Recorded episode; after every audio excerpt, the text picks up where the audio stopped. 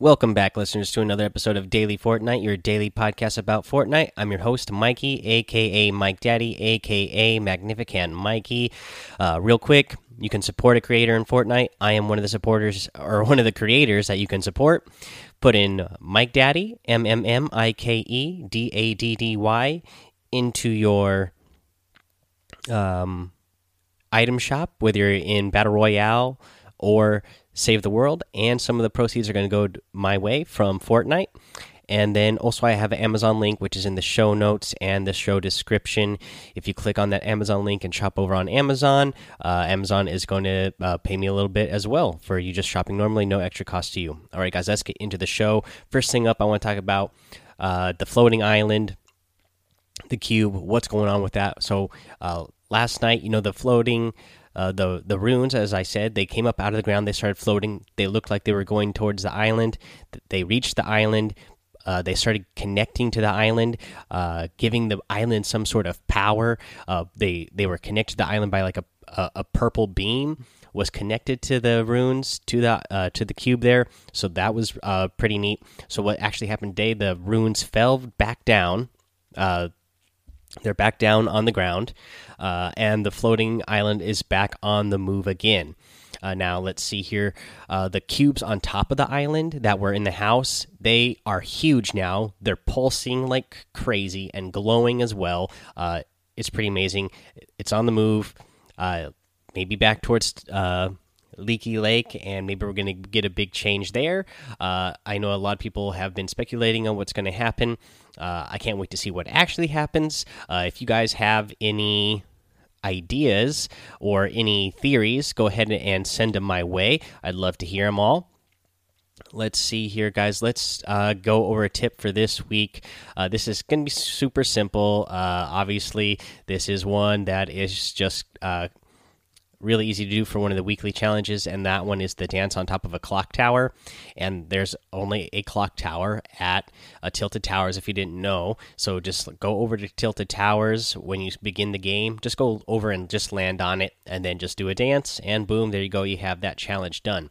Now, what I really want to talk about today, what I'm really excited about again, uh, man, I am loving the Halloween themed uh, outfits that we have been getting.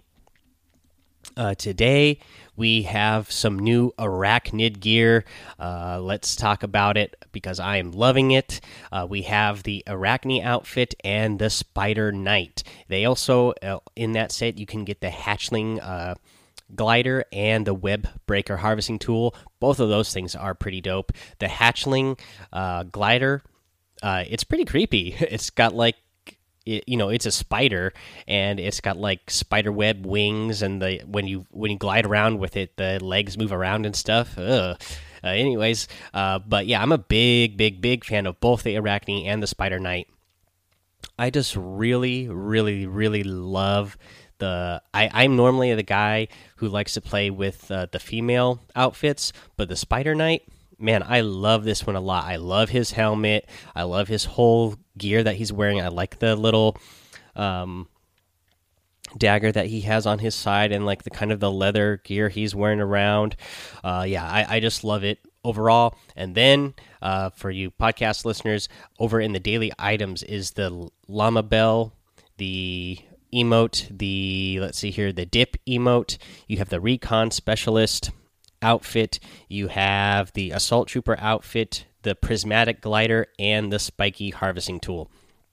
Again, uh, those are pretty neat too. But man, over in the featured section, I am loving those. Those are actually in the store uh, for two days. So uh, if you don't have enough V bucks yet, hopefully you're going to have a chance to either you know if you're close, maybe you'll earn uh, some V bucks, uh, whether it's in Save the World or Battle Royale by getting some of the uh, unlocking some of the tiers, or you know, if you don't have the money right this second, you have a couple of days to maybe get the money if you're deciding that you want to buy that. And remember, you can put my name in that supported creator, and uh, when you're buying those, let's see here.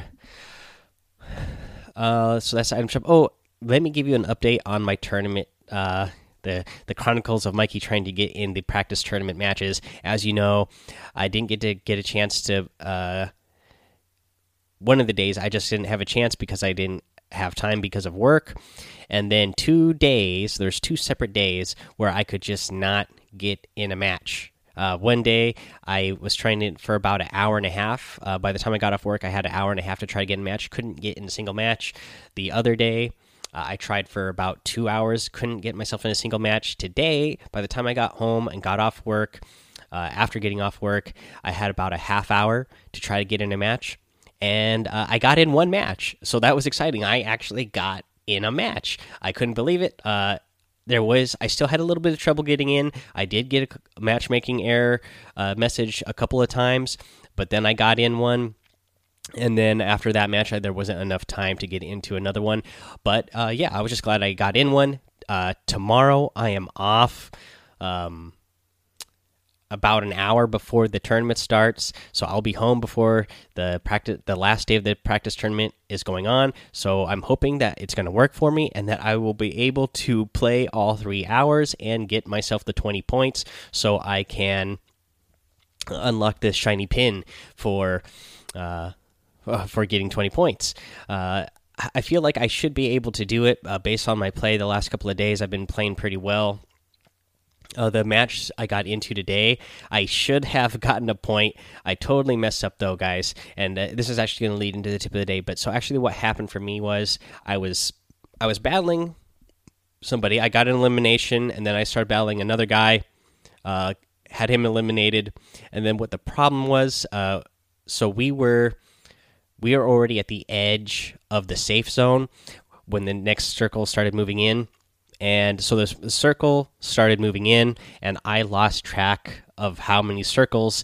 I couldn't remember if it was the first circle or the second circle and that makes a big difference on how much uh, damage you're going to be taking. I i picked up a med kit so i had the med kit uh, to take so that i could uh, heal back up and i should have been able to make it out. But i made a crucial mistake and i waited too long to take it because it was the second circle, not the first one. So as soon as that second storm closed in, it started doing two damage per second instead of just the one damage.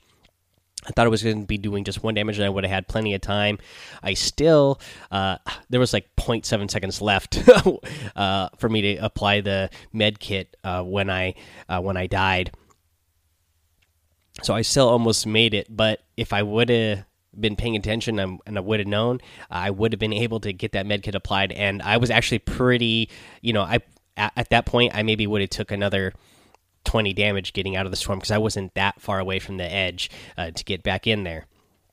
But so that's actually going to lead to the tip of the day, and that's just paying attention to uh, where you are in the game as far as safe zones and how much the safe zone, uh, or how much. Make sure you're you know which storm circle it is and how much damage it's going to be doing. So uh, let's just go over it real quick, just a, a, refresher, so you know how much damage these are doing. Uh, so the first. The, when the first uh, storm starts moving in, it's going to do one damage per second.